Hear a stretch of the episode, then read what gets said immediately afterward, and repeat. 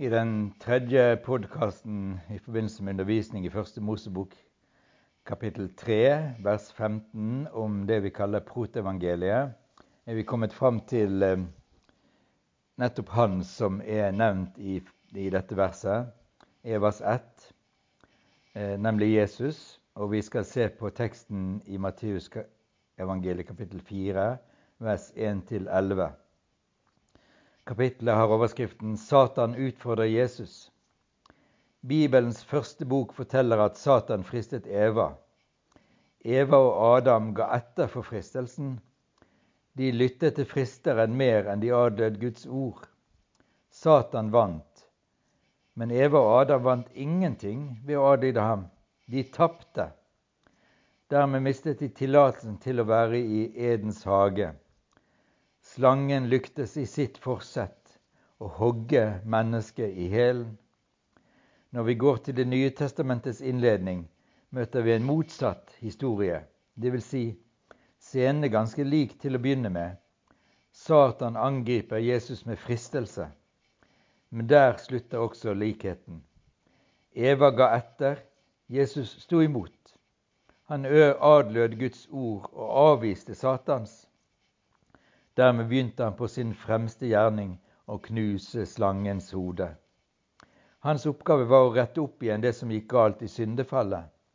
Eva tapte for slangen, Jesus skal vinne.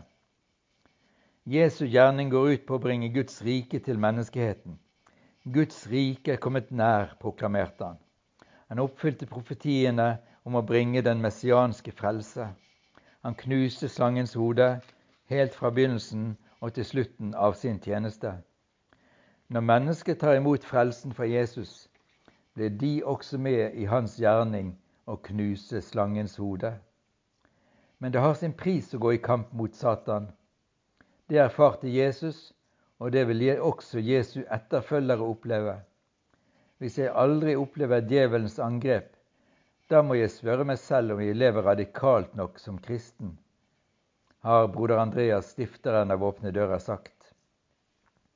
Ved innledningen til fastetiden forkynnes det ofte ut fra teksten om Jesu motstand mot og seier over Satans fristelse.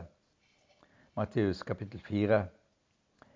Jesus er vårt store forbilde også i dette. Selvsagt brukte Jesus fasten til å være nær Gud.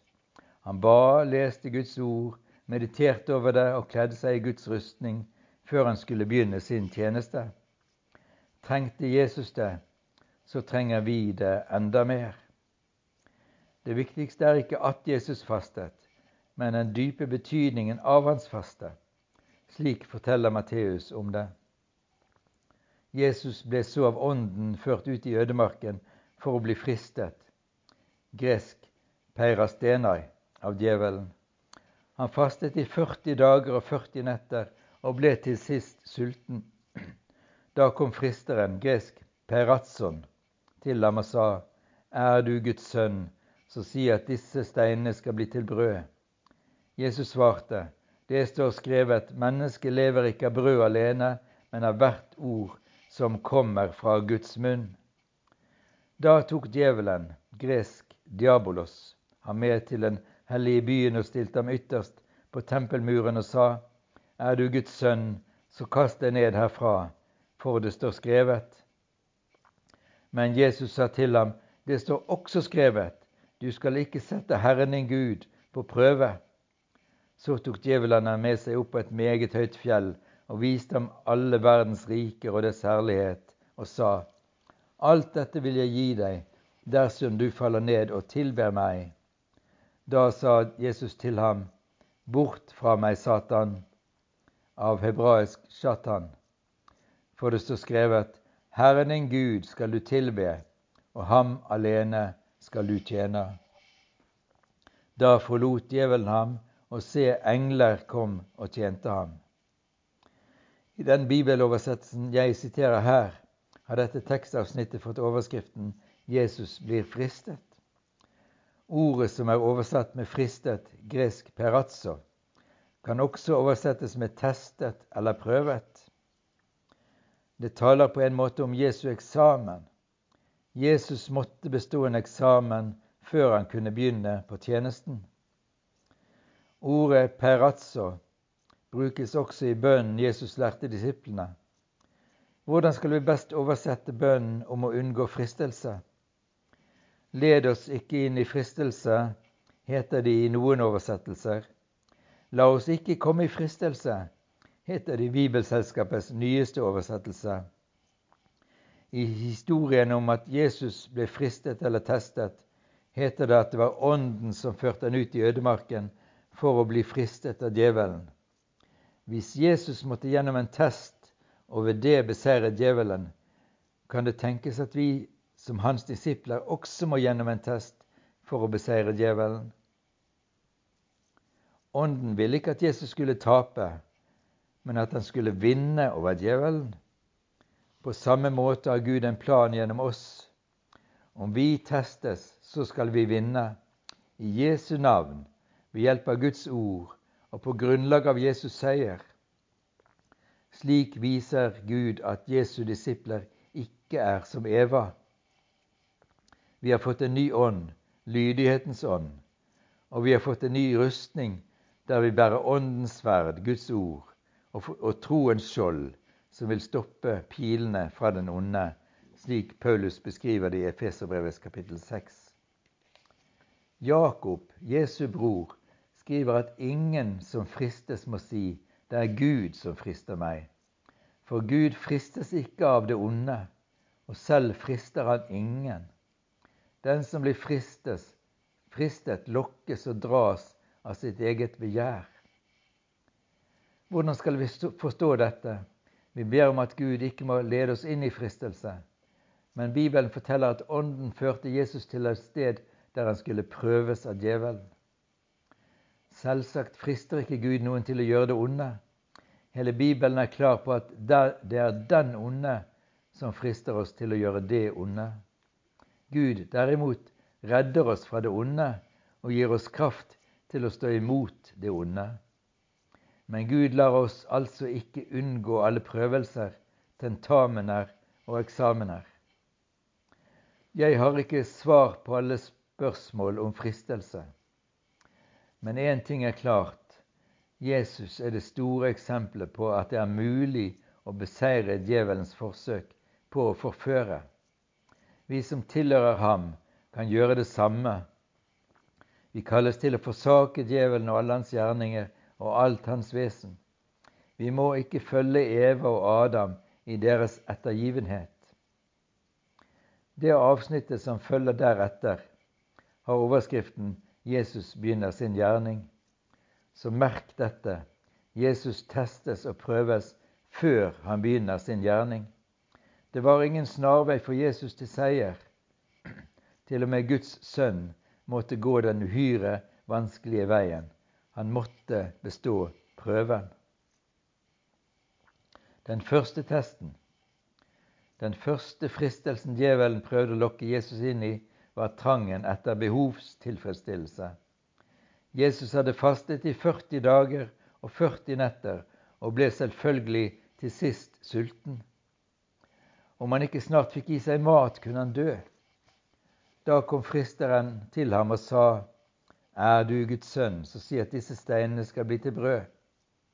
Guds sønn, sa djevelen. Skulle ikke Guds egen sønn ha rett på mat? Djevelen er ekspert på herlighetsteologi. Hvordan er våre tanker om behovstilfredsstillelse? Jeg er sulten, jeg har rett på mat. Jeg er et menneske med drifter, jeg har rett på å få tilfredsstillelse. Jeg har rett til å være lykkelig, så jeg har lyst på prikk, prikk, prikk. Men Jesus svarer ikke djevelen på grunnlag av følelser eller naturlige behov. Han svarer med 'det står skrevet i Guds ord'. Det er noe som er sannere, viktigere og mer grunnleggende for et sant menneskelig liv enn våre behov, følelser og tanker. Og det er lydighet mot Guds ord. Den andre testen. Djevelen kan også Guds ord og han vet å plukke ut deler av det eller vri på det slik at det skal treffe et svakt punkt hos oss. Er du Guds sønn? spurte han Jesus. Selvsagt visste Jesus hvem han selv var, Han kunne ha demonstrert det. Det er ikke uvanlig å høre bibelord løsrevet fra sin sammenheng eller ganske forvrengt i teologiske samtaler. Ofte blir de brukt som forsvar for egne tanker. En sann kristen vil alltid granske Skriftene i Bibelen nøye, og deretter innrette sitt liv etter det som står skrevet, selv om det strider mot egne tanker og følelser, og ikke minst det andre tenker. Vi står midt i den type utfordringer, og det er ikke nytt. Hver tid og hver kultur har sine utfordringer, og det er ikke nytt. Den som vil følge Jesus, må ofte ta et standpunkt som er på kollisjonskurs med majoritetens syn. Og han eller hun må være forberedt på å tåle hån, diskriminering, utestengelse og forfølgelse. Da må vi huske det er bedre å bli forfulgt enn forført. Jesus priser den salig som blir forfulgt for hans navns skyld. Den tredje testen. Djevelen proklamerer 'Alt dette vil jeg gi deg'. Du kan vinne hele verden, du kan få alt, hvis du er villig til å selge din sjel. Djevelen er den frekkeste skapningen i hele universet. Han har vært det fra han gjorde opprør mot Gud. På grunn av det opprøret ble han kastet ut av himmelen. Men han er ikke mindre frekk i sin gjerning på jorden. Han har ett mål, nemlig å ødelegge alt det gode Gud skaper. Djevelens listige angrep mot Jesus er et spørsmål om også Jesus er villig til å selge sin sjel. Eller litt mindre voldsomt er du villig til å forlate prinsippene dine for å unngå trøbbel? Er du villig til å gå på akkord med samvittigheten og overbevisningen din? Er det noe som egentlig er veldig viktig, men som du likevel prøver å skyve bort som mindre viktig. Jesus var kontant, var, var kontant i sin avvisning av djevelen. Bort fra meg, Satan. For Jesus var det ikke noe alternativ å gjøre det veldig viktige mindre viktig, eller å inngå kompromiss. Sannhet er sannhet. Løgn er løgn. Guds ord er Guds ord, og det kompromisses det ikke med. Forsakelsen. I trosbekjennelsen og forsakelsen sier vi jeg tror på Gud, og jeg forsaker djevelen og alle hans gjerninger og alt hans vesen. Vi kan ikke si det med likegyldighet eller lunkenhet. Det går ikke, absolutt ikke an å si litt ja til Gud og litt ja til djevelen. Vi må gjøre som Jesus sa, bort fra meg, Satan, og si det like bestemt, med autoritet. Jesus var så interessant for djevelen at djevelen satte alt inn på å felle ham. Ikke bare tre ganger, men helt fram til korset. Kirken er like interessant for djevelen til alle tider. Han frister og forfører. Er Kirken like tøff i møte med djevelen som det Jesus var? Er Kirken tøff i møte med fristeren? Hvis den er det, da skal den få kjenne hva kampen koster. Men da blir Kirken også stadig sterkere. På en annen side, hvis Kirken først lar seg forføre, da lar djevelen den være i fred. Og Kirken kommer til å bli svakere og svakere. Hva med meg? Hvis jeg lever sterkt som kristen, er djevelen veldig interessert i meg.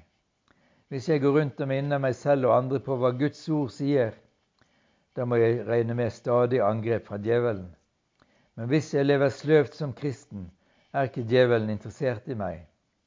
Da holder jeg meg selv borte fra Gud. Djevelen behøver ikke bruke tid og krefter på en sløv kristen, eller på en som har valgt kompromissets vei. Så tar vi et blikk bakover til det vi kaller proteevangeliet i første Mosebok 3.15. Evangeliene forteller hvordan Jesus allerede som barn elsket å være i sin fars hus. Men det meste av deres fortelling handler om Jesus som voksen mann. De forteller at etter at han ble døpt og Den hellige ånd kom over ham, var han i ødemarken der han ble fristet av djevelen. Og da går tankene til den hendelsen som første Mosebok forteller om. Det gamle testamentets begynnelse forteller om hvordan djevelen beseiret de første menneskene ved at de syndet mot Guds ord. Det nye testamentet begynner med fortellingen om hvordan Jesus seirer over djevelen ved å holde seg til Guds ord. Adam og Eva, våre stamforeldre, var skapt i Guds bilde som sanne mennesker. De skulle avspeile Gud på den jorden som var et paradis. Men en som allerede hadde gjort opprør mot Gud, djevelen, snek seg innpå Eva og sa, Har Gud virkelig sagt? Han begynte å vrenge og vri på de tydeligste ordene Gud hadde talt, og Eva lot seg lure. Det slangen sa til henne, hørtes både fornuftig og godt ut. Skulle vel ikke Gud unne sine skapninger alt godt? Satan i slangens skikkelse lurte Eva trill rundt. Det ble til et fatalt valg. Med ett var det som paradiset skiftet farger. Det hadde vært så fargerikt, nå ble det grått. Relasjonen mellom Eva og Adam fikk en alvorlig brist. Før det var det bare harmoni. Nå ble det gjensidige beskyldninger. Men Gud var ikke satt ut av spill, selv om mennesket hadde latt seg friste til opprør. Gud holdt oppgjør. Han dømmer djevelen, slangen, men han gir e- Adam og Eva et frelsesløfte. Han sier at slangen kommer til å hogge Evas ett i hælen, men Evas ett skal knuse slangens hode. Den delen av dette ordet fra Gud som forteller at slangen kommer til å hogge Evas ett i hælen, har vært tilfellet i hele historien. Og slangen er ikke mindre aktiv i dag. Det er forførelse, løgn, uvennskap, fiendskap, hat, krig, drap, egoisme, misunnelse og umoral av alle slag. Han vil bare stjele, myrde og ødelegge, sa Jesus. Og det er en realitet i vår verden. Slik går djevelen til angrep på alle mennesker, og han er ikke mindre aktiv i angrepene på Guds folk. Djevelens strategier, forførelse og forfølgelse. Hvordan går han til angrep? Og hva er strategien hans? Ja, hvordan var strategien hans mot Eva? Det var forførelse. Det er to ord som kjennetegner strategien og angrepene til djevelen. Forførelse og forfølgelse. Jeg har skrevet en kirkehistoriebok med særlig fokus på forfølgelse. Hva oppdaget jeg? Djevelens første og NB farligste strategi er forførelse der han sier at alle mennesker, Israel, Kirken og den enkelte kristne, har Gud virkelig sagt. Vær våken, for det er svært aktuelt i Kirken også i dag. Forførelse er mye verre enn den andre strategien, forfølgelse. Forførelsen fører bort fra Gud og Hans ord. Forfølgelsen, derimot, fører nærmere Gud og Jesus og Hans ord. Forførelse behøver ikke alltid å bety at en forkaster Bibelen, men tolkningene kan like fullt være fremmede for Bibelens budskap om hvem Gud er, hvem Jesus er, hva frelse er, hvordan det kristne livet i Jesu etterfølgelse skal leves. Forfulgte kristne elsker Guds ord og ønsker å leve etter det. Når forfulgte kristne ikke leser Bibelen, er det ikke fordi de ikke ønsker det. Men hvem i Nord-Korea eller Somalia har en bibel?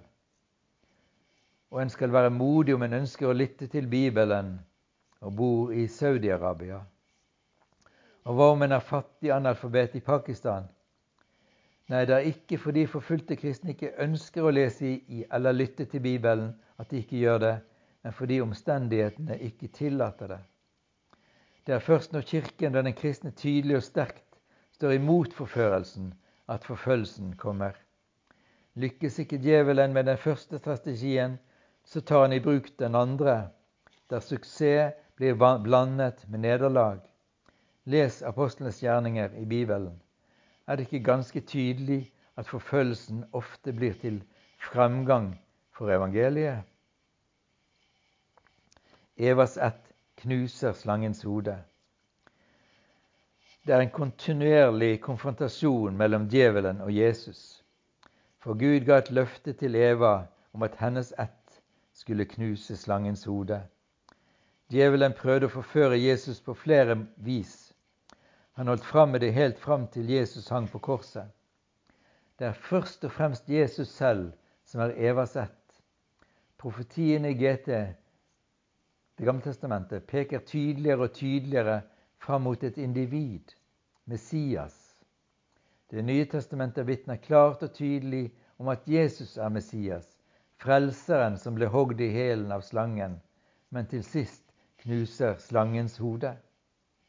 Men i tillegg, gjennom Jesus Kristus er hans folk, kirken, også Evas ett, som blir hogd i hælen av slangen. Men når Kirken opplever slangens angrep, er Guds løfte at den skal knuse slangens hode. Den oppnår det ved å stå imot all forførelse. Hvis Kirken og kristne lar seg forføre, oppnår djevelen sitt mål og fører dem bort fra Gud. Gjennom forfølgelsen skjer nesten alltid det motsatte.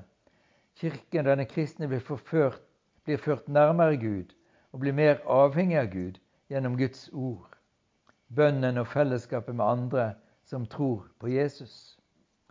Kirken og den enkelte kristne blir sterkere, så sterke at de er i stand til å knuse slangens hode og seire, slik som Jesus.